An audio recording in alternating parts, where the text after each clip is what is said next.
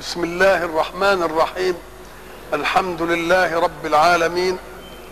والصلاة والسلام على أشرف المرسلين وخاتم النبيين ورحمة الله للعالمين سيدنا محمد وعلى آله وصحبه أجمعين. وبعد فقد وقفنا في اللقاء السابق عند قول الحق سبحانه أعوذ بالله من الشيطان الرجيم. ومن يكفر بالإيمان فقد حبط عمله. وقلنا يكفر بالإيمان أي يستر قضايا الإيمان. وقضايا الإيمان الذي ابتدأها الله في السورة بقوله أوفوا بالعقود. كل عقد إيماني يتعلق بالوحدانية لله وبالبلاغ عن الله وكل عقد عقد بين المؤمنين وبين بعضهم وكل عقد عقده الإنسان بينه وبين نفسه. من يكفر بهذه الأشياء فقد حبط عمله. إن ظن أنه قد نمى عمله كما تذهب البهيمة فترعى شيئا لا يتناسب معها فبعد تنتفخ بطنها. فيخيل للرائي أن ذلك شبع وأن ذلك عافية ثم لا تلبس أن تنفق وتموت. كذلك عمل الذي يكفر بالإيمان. يظن أنه عمل شيئا ولكن هذا الشيء متلف إيه؟ متلف له. والآيات القرآنية تكلمت عن هذا المعنى كثيرا في حين شبه الحق سبحانه وتعالى الذين كفروا بربهم أعمالهم كسراب بقيعة. نحسبه الظمآن ماء. حتى إذا جاءه لم يجده شيئا. ونحن نعلم السراب هو إيه؟ شيء كده من انعكاسات الضوء يتبين لك إن زي ما يكون مية. تمشي ما تلاقيهاش. قال لك أهي اعمالهم كسراب بقيعه يعني أمر متوهم النفع. حتى إذا جاءه لم يجده إيه؟ ما لم يجده شيئا. وقول الحق سبحانه ووجد الله عنده. معنى وجد الله عنده يعني إيه فوجئ بوجود إله. كأنه لم مسألة الإله دي ما مرتش بإيه؟ بخياله. ووجد الله عنده فوفاه حسابه. ليه؟ لأن الإنسان ما يأخذش أجره إلا لمن عمل له. وهل عمل لله حتى يأخذ منه اجرا؟ ما عملش لله. ولذلك بعض السطحيين في الفهم يقولون ما الذين اخترعوا العلاجات للأمراض واخترعوا الأشياء التي تنفع الناس وهم كافرون. دول ما خلاص يعني يستوي مع نقول له نعم لأنهم فعلوا ذلك ولم يكن الله في بالهم. وإنما كان في بالهم الإنسانية والإنسانية أعطتهم خلدت ذكراهم وعملت لهم تماثيل وعملت لهم يوبيل فضي وألفت فيهم ومدحت لهم وعملت لهم كل سنة. عملوا للناس فأعطاهم الناس. إنما هل كان الله في بالهم؟ لم يكن الله في إيه؟ في بالهم. وهم من من ضمن المسخرين للإنسان المؤمن. برضه يعملوا لنا الكهرباء. كتر خيركم. إحنا هننتفع به. ها؟ وهنقعد ونقرأ قرآن ونقرأ اوراد ونقرأ مش عارف العلم واخترعتوا لنا طيارات. وهنركب نروح بقى نحج ونعمل كل حاجة. يبقوا من ضمن المسخرين لنا ولا لأ؟ إنما هل هم أصيبوا على هذا العمل؟ لا يا أخوة هم عملوه. عملية خدوا من وراءها إيه؟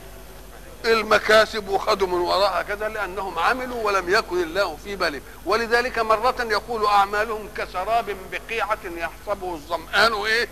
ماء. حتى إذا جاءه لم يجد ومرة يقول أعمالهم كرماد اشتدت به الريح في يوم إيه؟ لا يقدرون ما كسبوا على إيه؟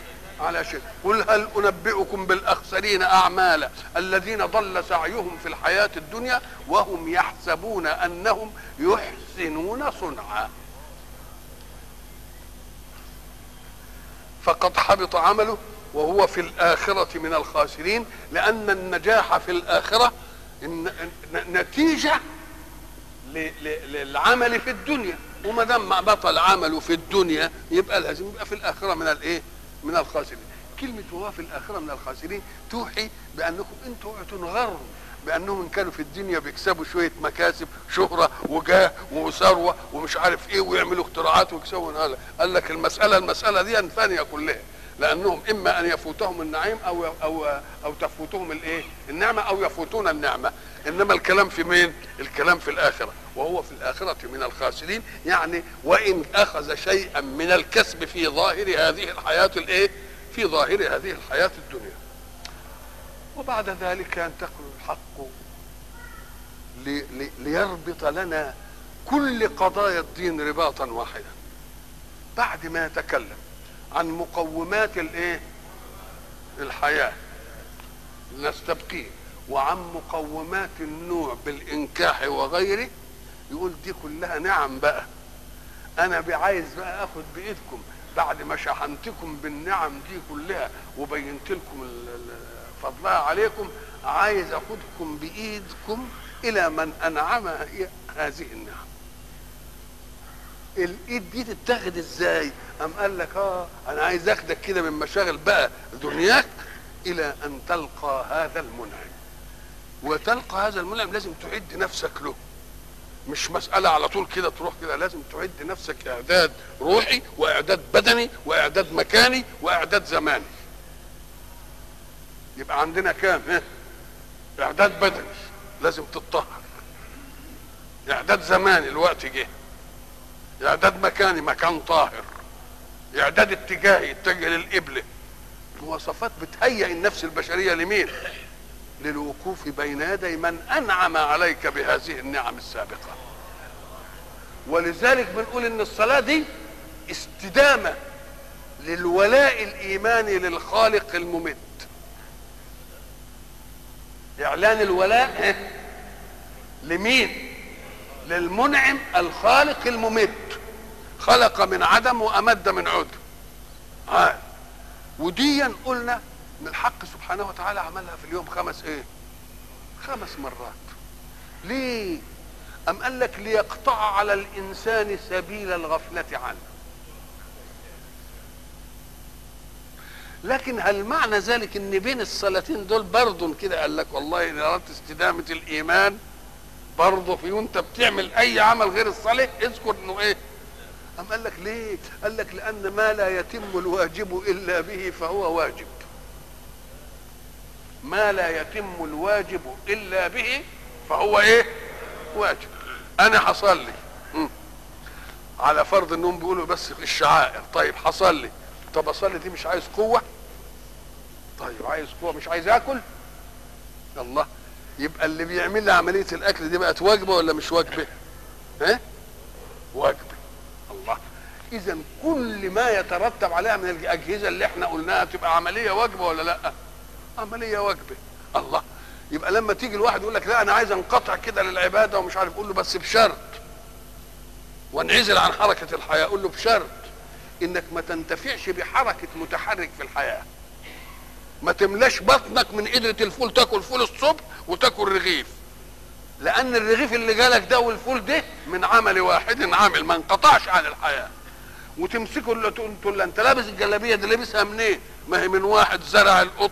وواحد غزل حلج القطن وواحد غزل القطن وواحد نسج القطن. وشوف بقى وراء كل دي أجهزة قد إيه. تقول له إن كنت عايز بقى تنقطع أنت الأسباب يا اخويا اوعى تنتفع بعمل واحد مشغول بالأسباب. والشغل بالأسباب عبادة لأن العبادة لا تتم إلا به وما لا يتم الواجب إلا به فهو واجب.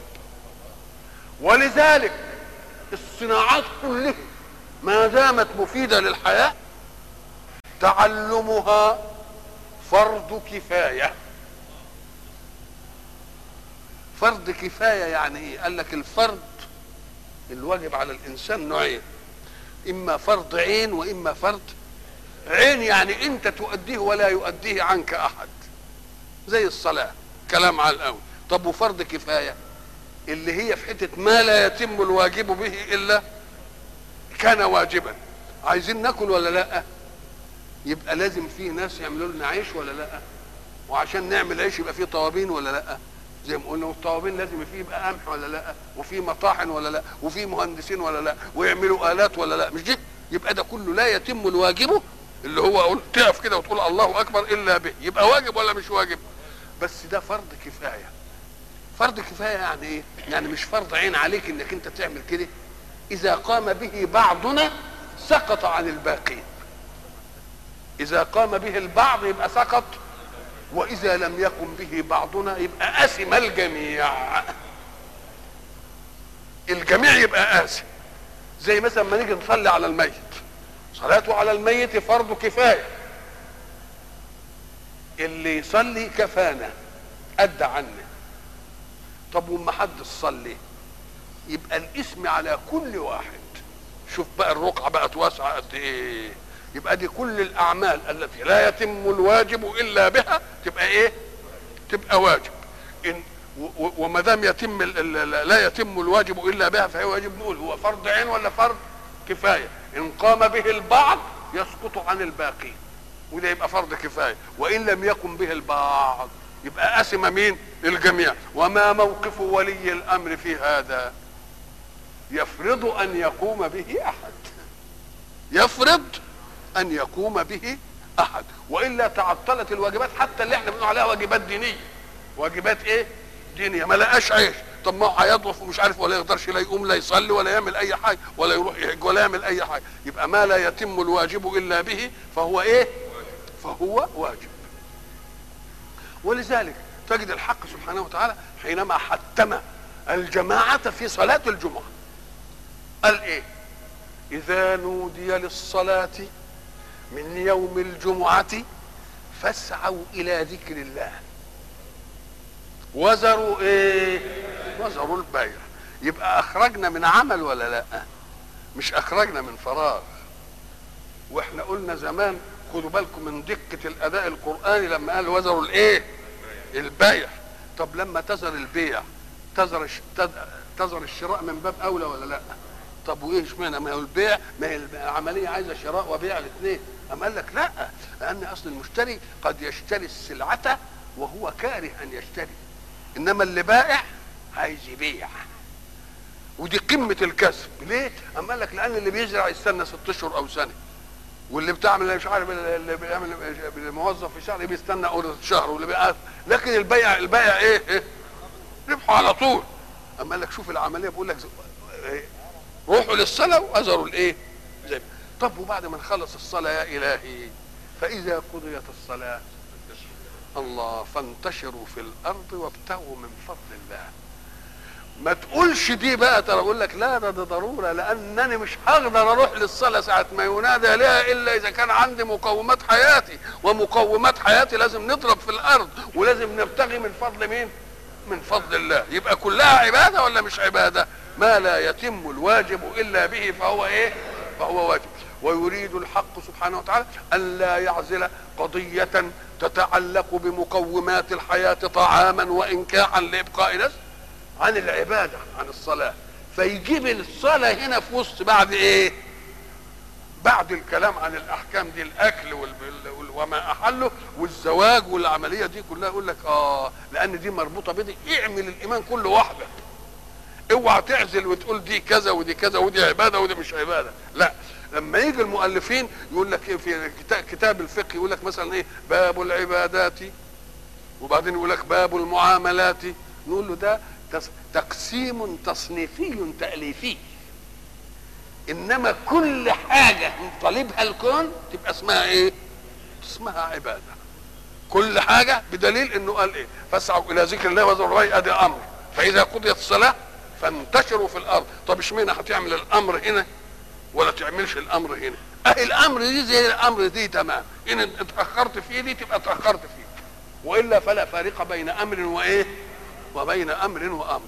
فبعد ذلك يدخلنا من النعم التي انعمها علينا بما أحل لنا من بهيمة الأنعام وبما قص علينا من الزواج من المحصنات. وكل هذه الأشياء يدخلنا على من أنعم هذه النعم.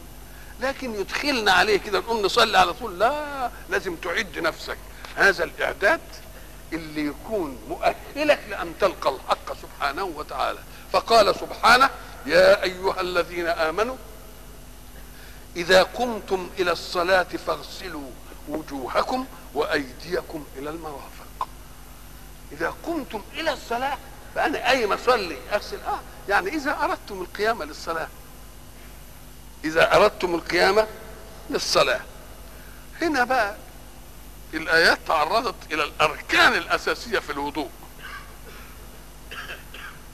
ولذلك لما نيجي نقول مثلا لواحد الوضوء انك تغسل إيه الوجه وتغسل الايدين إلى المرافق وتمسح راسك وتغسل رجليك يفتكر ان دي يعني لأنه معتاد انه يتوضا غير كده يبقى انه يغسل ايديه الأول وبعدين إيه يتمضمض وبعدين يستنشق مش كده ولا لا آه كل دي الاذنين والرقب قول له انت بقى دي السنن إنما الوضوء المطلوب اللي هو الركني هم ده لهم اغسلوا وجوهكم. ما هو الغسل اولا؟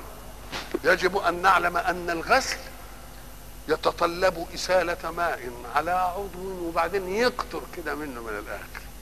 المسح يكفي أن يكون البلل مصيب العضو ولا يتساقطش. أدي الفرق بين الغسل والإيه؟ المسح. الغسل عايز إيه؟ سيولة. المسح عايز بلولة يتبل وبس.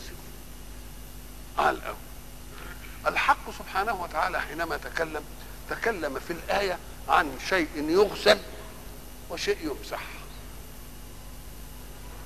امسحوا برؤوسكم بقى فيه غسل وفيه مسح.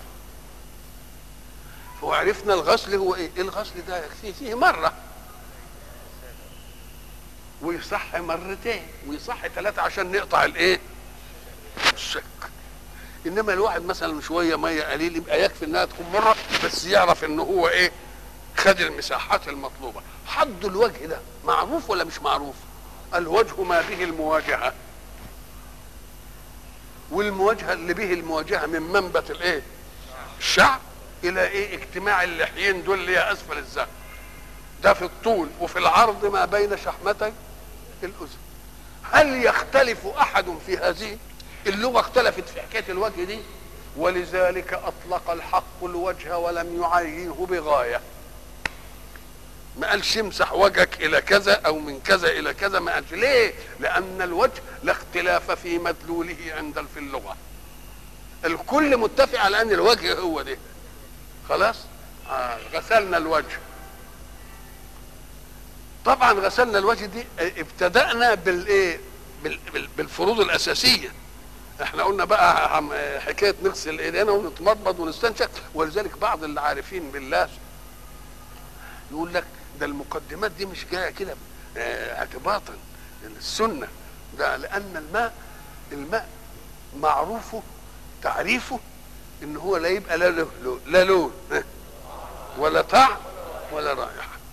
ادي الأصل في الميه خلاص كده يبقى الميه لا إيه؟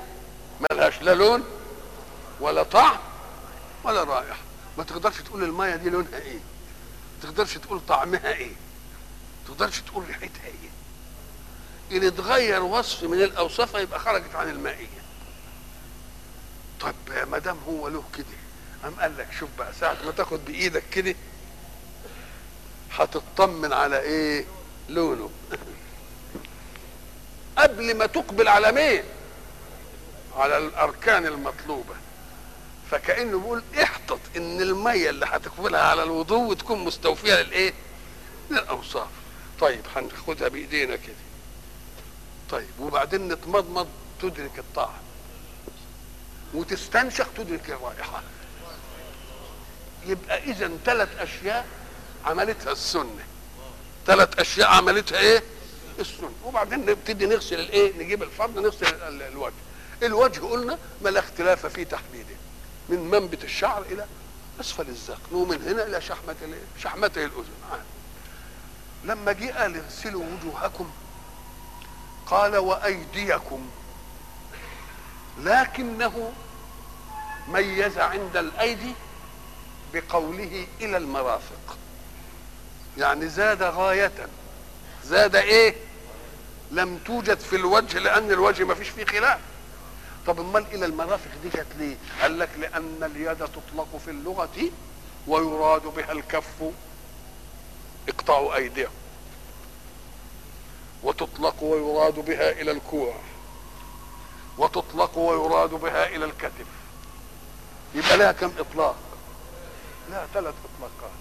بالله لو قال الحق أغسلوا وجوهكم وأيديكم ولم يقل إلى المرافق. أما كان يجوز أن نغسل هذه؟ الآية محتملة ولا لا؟ طب نغسل هنا؟ نغسل كلها آه وهو يريدها على وجه واحد. فقال أنا عايز إلى المرافق. اذا ساعة يريد الحق شيئا محددا يأتي بالأسلوب الذي يحدده تحديدا يقطع الاجتهاد والشبهة فيه. لو قال إلى المرافق لما قالش إلى المرافق كان لو جه واحد قال اغسل دي قال لك إيوه اغسل دي إيوه. ويبقى صح ومجتهد ومحتمل. الله لكن هو عايزها على إيه؟ على شكل مخصوص. فإذا لما أرادها على شكل مخصوص جاء بالإيه؟ بإلى كلمة إلى دي لما تقول مثلا أي شيء من وإلى من ابتداء. وإلى غاية. الغاية دي تدخل ولا يبقى عندها بس ولا تدخلش الغاية. إلى المرافق. أيديكم إلى إيه؟ المرافق. طب المرفق يدخل ولا ما يدخلش؟ أم قال لك أهي إلى بتاعة الغاية دي مرة أسلوب يدخل الغاية ومرة أسلوب ما يدخلش الغاية. زي إيه مثلا؟ لما يأتي الحق سبحانه وتعالى يقول إيه؟ سبحان أعوذ بالله من الشيطان الرجيم بسم الله الرحمن الرحيم. سبحان الذي أسرى بعبده ليلا من المسجد الحرام إلى المسجد الأقصى. بالله وداها لحد المسجد ولا دخلوش. يبقى لازم الغاية داخله يبقى من المسجد الحرام إيه؟ إلى المسجد الأقصى. طب ده هي الغاية ده هو رايح له. يبقى لازم الغاية هنا إيه؟ تخش على الأول. طيب لما يجي يقول واتموا الصيام إلى الليل. الله اتموا الصيام إلى الليل. طب هندخل الليل زي ما دخلنا المسجد؟ يقول لك ما تنفعش لأن لو دخلت الليل يبقى فيه وصال. وصال للصلاة يبقى ما يبقى الغاية ما تدخلش. الله تبقى مرة الغاية تدخل ومرة الغاية ما تت إيه؟ ما تدخلش ولذلك جم في إيه المرافق دي. قال لك قال المرفق يدخل ولا ما يدخلش؟ قال لك بس أنت تقدر تحدد المرفق من أول فين لفين. لازم تدخله احتياطا. لازم تدخل المرفق احتياطا لأن أنت ما تقدرش تحدد. آه ما تقدرش تحدد. ولذلك في الاحتياطات في التعبد. مرة تحتاط بال... بالاتساع ومرة تحتاط بالتضييق انت مثلا إذا بتصلي عند الكعبة طبعا اللي شافوا الكعبة يفهموا إن فيه بناء كده عالي. وبعدين فيه قوس تاني حول البناء اللي بنسميه حجر إسماعيل الحطيم. الحطيم ده من الكعبة. عامل كده. هنخلي دي مثلا الكعبة وديك عامل كده. أهو. واطي صور كده. لما أنا أجي أصلي هنا في الحتة دي أتوجه إلى هذه أم إلى هذه؟ يعني للواطي ولا للعالي؟ قال لك لا ده نتوجه إلى العالي لأن ده مقطوع بكعبيته. مش كده؟ مقطوع بأنه إيه؟ من الكعبة. أهو ما توجه هنا. يبقى اللي واقف هنا أهو أهو هنا. ما يكفيش إنه يتوجه لدي يقف كده نقول له لا يقف كده. يتوجه للمقطوع بإيه؟ يبقى لما احتاط لدينه احتاط بالنقص. يعني عمل الكعبة هي ده هي بس. طيب ولما جينا نطوف هل طفنا حول العالية بس وسيبنا الحطيم ولا دخلنا الحطيم؟ الله احتطت بالزيادة. ليه؟ لأنك إن طفت من وراء السارية أو من وراء المسجد كله تبقى طفت بالبيت ولا لأ؟ فدخل ده في الطواف إنما لا تدخله في الاتجاه. يبقى اذا لما نحب نحتاط مرة نحتاط بالنقص ومرة نحتاط بإيه؟ بالزيادة. ففي العبادات الاحتياط مرة يكون بالنقص ومرة هنا بقى إلى المرافق. ما دامت إلى ترد مرة إلى إيه؟ إلى أن الغاية داخلة ومرة ترد على أن الغاية غير إيه؟ دليل الأول إلى المسجد دليل الثاني وأتم الصيام إلى الليل. يبقى هنا ده على الأول. نقوم له طب هنا المرافق هتعمل إيه؟ قال لك والله مش هتقدر أنت تحدد الليل يقدر نحدده بمجرد مغيب الشمس. مثلا. الله. طيب ودي تقدر تحددها إزاي بقى؟ أم قال لك والله الأحوط بقى نعمل إيه؟ ندخل المرافق في الإيه؟ في الغاية. ويبقى أغسلوا أيديكم إلى الإيه؟ إلى المرافق. عال ثم يقول الحق سبحانه وتعالى وامسحوا برؤوسكم. اختلف الأسلوب. لم يقل زي اغسلوا وجوهكم قال امسحوا إيه؟ اولا إحنا عرفنا الغسل والإيه؟ والمسح. نشوف المغسول في الأول الوجه. مش كده؟ والمغسول في الثاني الإيدين. بس المغسول في الوجه ما اتكلمش فيه في غاية لأن لا خلاف فيه. المغسول في الإيدين اتكلم فيه إيه؟ في الغاية لأنه يريده على لون يقطع الجدل والاجتهاد فيه. على الأول. لما قال امسحوا كنتش يقدر يقول امسحوا رؤوسكم؟ لو قال امسحوا رؤوسكم زي اغسلوا وجوهكم كان يبقى في خلاف. طيب لو قال امسحوا بعض رؤوسكم كان يبقى في خلاف؟ ها أبدا. طب لو قال امسحوا ربع رؤوسكم كان يبقى في خلاف؟ الله. اذا امال اختار ليه الأسلوب مع أن في الآية أساليب. في أسلوب مجرد عن الغاية فيها وأسلوب موجود فيه الغاية وهذا أسلوب لا هو مجرد ولا هو. يبقى ساعة ما قال بي نقول نشوف بي دي تستعمل في إيه؟ في اللغة. اذا لا هو قال امسحوا رؤوسكم كما قال اغسلوا وجوهكم. ولا حدد وعمل غايه امسحوا بعض رؤوسكم ها؟ ولا امسحوا ربع إيه؟ رؤوسكم. الله لا دي ولا دي. مع أن الآية فيها ده وفيها ده. يبقى لازم مقصودة للمشرع. ليه؟ أم قال لك امسحوا برؤوسكم وبالبهدي بالبستعن وعد عوض ألصقي. بتأتي في اللغة لكم معنى. كده؟ تدي للتبعيض. يبقى اللي يقول بعض رؤوسكم ولو شعر ينفع ولا ما ينفعش؟ والباء تسعفه لغة ولا ما تسعفوش؟ تسعفه. طيب الامسحوا والمسح يقتضي الإلصاق. لو ألصقت أي شيء تبقى خلاص ولا لا؟ طيب المسح في آلة مسحة وهي الإيد. واحد يقول لك ياخد على قدر الماسحة وهي اليد يبقى الربع على على قد النص يبقى إذا دي تنفع؟ ودي تنفع ودي تنفع. لو أن الله يريدها على لون واحد كان قال إيه؟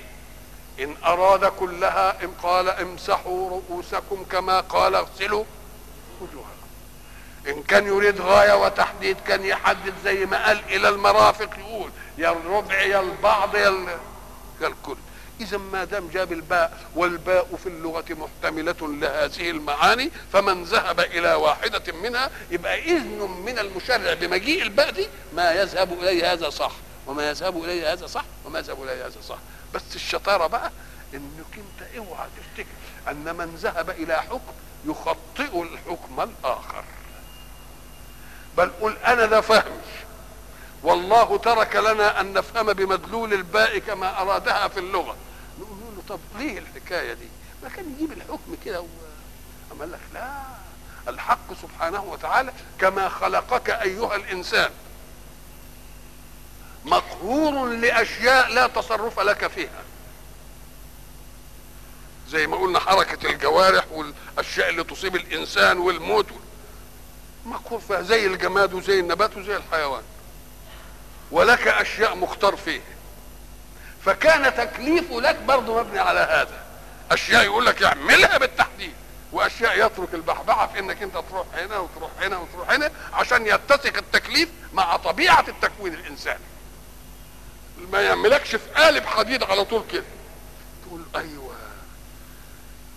الرسول عليه الصلاة والسلام اللي هو آه، ربنا قال له إحنا هن لتبينه للناس. طب ما هو حصل كده. حينما كان الرسول صلى الله عليه وسلم مع المؤمنين في غزوة الأحزاب. وغزوة الأحزاب اللي ربنا هنالك ابتلي المؤمنون وزلزلوا زالا شديدا. المعركة كانت قاسية. وبعدين ربنا سبحانه وتعالى فرق الأحزاب وجاب الريح وكفأت القدور وعملت العملية وجابهم مع بعض واختلفوا. وصرف الأحزاب ورجع الرسول إلى المدينة. لما رجع إلى المدينة بعد هذا الجهاد كان المفروض إنهم هيرتاحوا. فقبل أن يخلعوا ملابس الحرب جبريل جه قال له لا لا تخلع ملابس لأن الملائكة ما خلعتش لباس الحرب. لازم تروح تقدم بني قريظة اللي أعانوا قريش. لازم تروح. فالنبي قال من كان يؤمن بالله فلا يصلين العصر إلا في بني قريظة.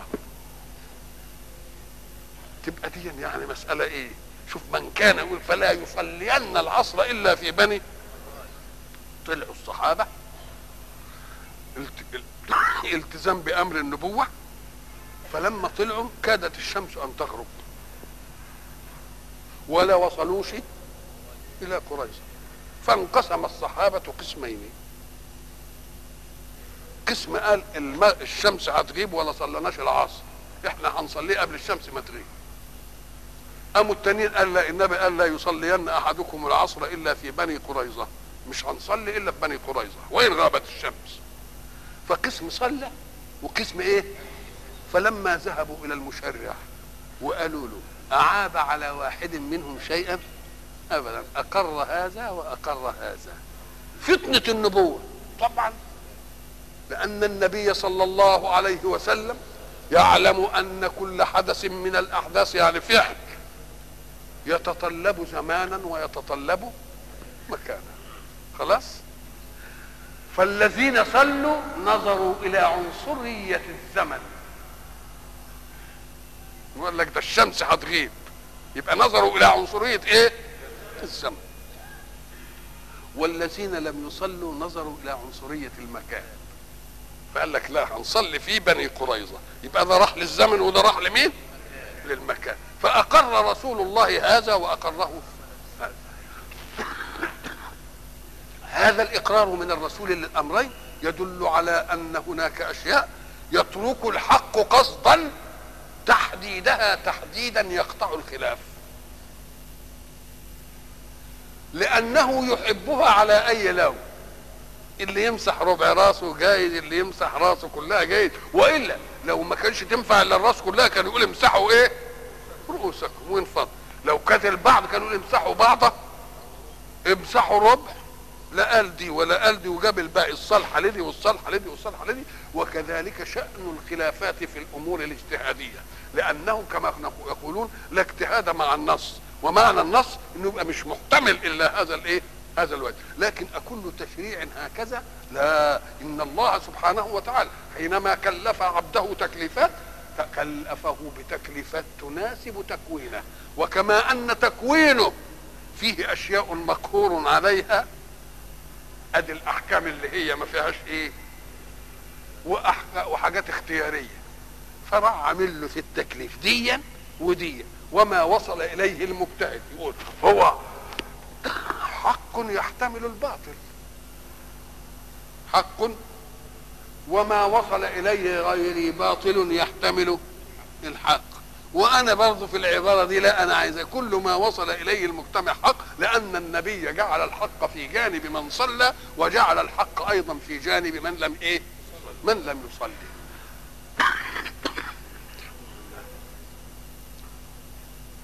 وامسحوا برؤوسكم. شوف وأرجلكم. آه سياق النص كده كان نقول إيه؟ امسحوا برؤوسكم؟ وأرجلكم. إنما الرواية بتقول وأرجلكم. كأنه بيقول تنبه إلى أن دي مش معطوفة على برؤوسكم. مش معطوفة على رؤوسكم. دي معطوفه على اغسلوا وجوهكم وأيديكم وأرجلكم. يبقى إذا نصب ارجلكم دلت على إيه؟ على أن الرجلين لا يدخلان في حيز المسح برؤوسكم لأنه لو كانت داخلة في حيز المسح لقال امسحوا برؤوسكم وإيه؟ وأرجلكم. ولكنه حينما قال وأرجلكم نبه بالحركة الإعرابية على أنها ليست معطوفة على ما قبلها وإنما معطوفة على الإيه؟ على المغسول. اغسلوا وجوهكم وأيديكم وأرجلكم. الله طب وإيه حشر الاثنين كده بين المسح لما كان يجيب الممسوح لوحده. ليدل على أن الترتيب في هذه الأركان أمر تعبدي.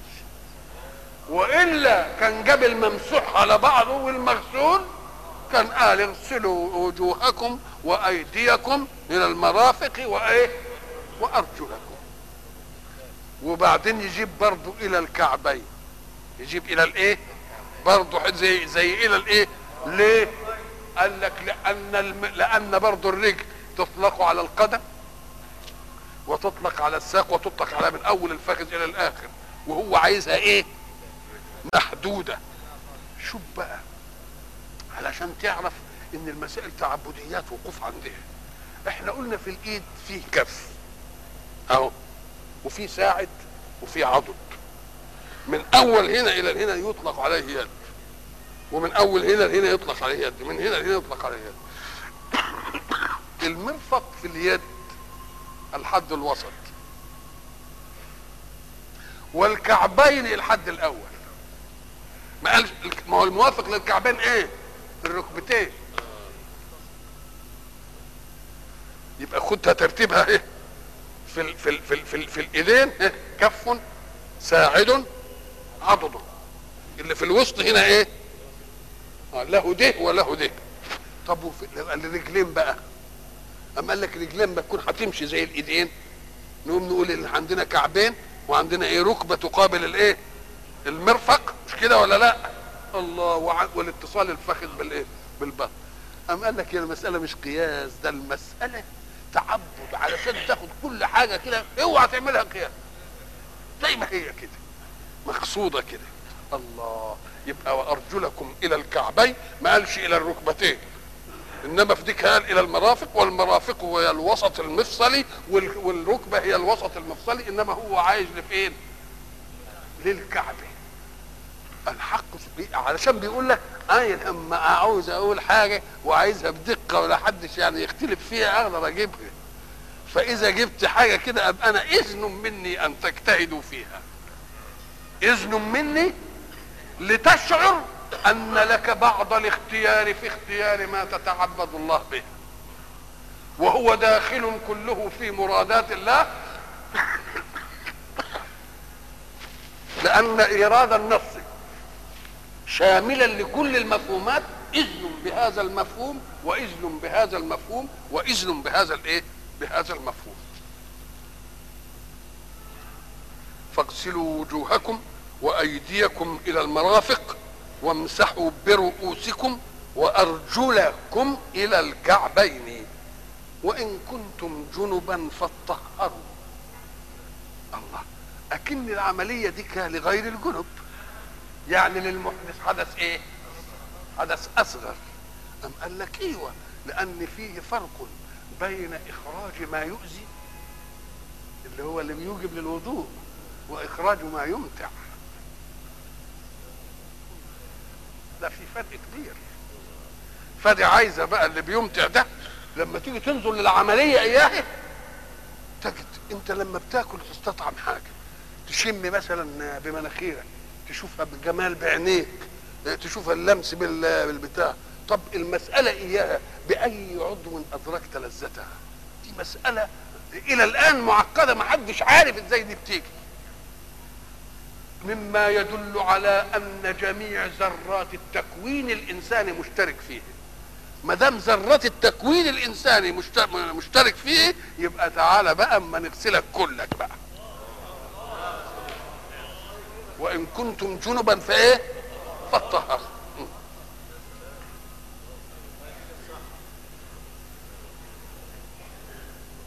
وإن كنتم مرضى أو على سفر أو جاء أحد منكم من الغائط أو لامستم النساء فلم تجدوا ماء. طب ما لامستم النساء دي هي برضه كنتم جنبا.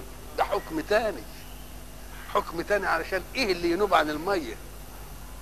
لأن الحق سبحانه وتعالى لا يرتب عبادة لا تسقط عن المكلف أبدا. بشيء قد لا يجده المكلف. لأن كثير مثلا ما نجدش مية. فيبقى عبادة ما تسقطش عن المكلف ابدا. حتى في حال مرضه اللي ما, يغ... ما... ما يقدرش يحرك فيه حاجة. يقول له يا أخويا أنت بتصلي صلي قاعد. صلي نايم مستلقي. آه، صلي بالإيماء كده براسك. ما أقدرش أعمل إيماء متصلبة ديا يقول لك صلي برمش عينيك. والله عنده شلل ما يقدرش يحرك عينيه. يا أخي صلي بإيه؟ بإجراء خواطر الصلاة على قلبك. لكن دي مسألة إيه؟ ما بتسقطش ابدا وإحنا ولذلك قلنا زمان افتكروا قلنا لما جه بني الإسلام على خمس وجاب الأركان. قلنا دي أركان الإسلام. إنما لما تيجي بالنسبة للمسلم قد لا يطبقه إلا إيه؟ هو هيقول لا إله إلا الله محمد رسول الله مرة واحدة في العمر. كافية ولا مش كافية؟ طبعا. هيصوم. مريض أو مسافر. سقطت عنه دي. طيب. ما بي- بيزكي. والله ما عندوش حاجة يزكي سقطت عنه. ما عندوش مستطيع يروح يحج سقط عنه. يبقى أمال اللي بقي إيه شو مفيش غير كده. هي بس اللي بقي وبقيت وكل ركن قد يسقط. وإحنا افتكروا زمان قلنا كل ركن قد يسقط إلا هذا الإيه؟ الركن. ليه؟ لأن هذا الركن واخد عظمته من كيفية تشريعه. كل تشريعات الأركان بالوحد ولكن تشريع الصلاة وحده بالمباشرة. ما قالش الجبريل قول للنبي. ده استدعى النبي إليه. استدعى النبي إليه علشان يقول له وإحنا كنا قلنا ولله المثل الأعلى. إن لما يكون رئيس ومرؤوس وعنده موضوع كده مش عارف إيه روتيني بيعملوا له يمضي ويروح في قبل البوسطة. مش كده؟ ياخد دوره في البوسطة. طب عنده موضوع مهم شوية كده. يقوم يمسك التليفون ويقول له والله جاي لك الموضوع الفلاني إيه؟ ولا ابعت ولا يبعت السكرتير بتاعه وراه كده يقول له ابقى ده خليه يمشيه ده مش عارف إيه. طيب موضوع أهم. أو يقول له تعالى أحسن أنا عايزك. الموضوع ده يبقى يقعد على مكتبه ويعمله. حصل. الله. إذا التكليفات على قدر الأهمية في الشيء. فشيء كلف الله به شيء ترك الله بالإلهام لمحمد أن يفعله. وبالوحي من جبريل أن يفعله إنما دي لا. تعالى عندي علشان. ولذلك طلع سيدنا رسول الله في الأفق الأعلى وبعد ذلك فرض الله عليه الصلاة بالمباشرة. طيب أمته تعمل إيه؟ أم قال لك كما جعلت فرضها بلقائك؟ هجعل الصلاة دي لقاء لكل مؤمن خمس مرات في اليوم. أنت جيت لي مره أهي بس. إنما خمس مرات في الإيه؟ خمس في الإيه؟ آه. يبقى إذا دي ما تسقطش ابدا. ولذلك قال لك هي الفارقة بين مين؟ بين المؤمن والكافر. إنما واحد قاعد كده هو مش في وقت زكي؟ طب مش في وقت رمضان. طب مش في وقت حج. إيه ولا قالش لا إله إلا الله. مش ضروري يقولها في كل ساعة. وبعدين قعد كده. تعرف إنه مسلم ولا كافر إزاي؟ إنما ساعة ما قال الله أكبر والوقت جه التفت لقيته قام وصلي. تبقى عرفت إنه إيه؟ يبقى هي الفارقة بين مين؟ بين المؤمن والإيه؟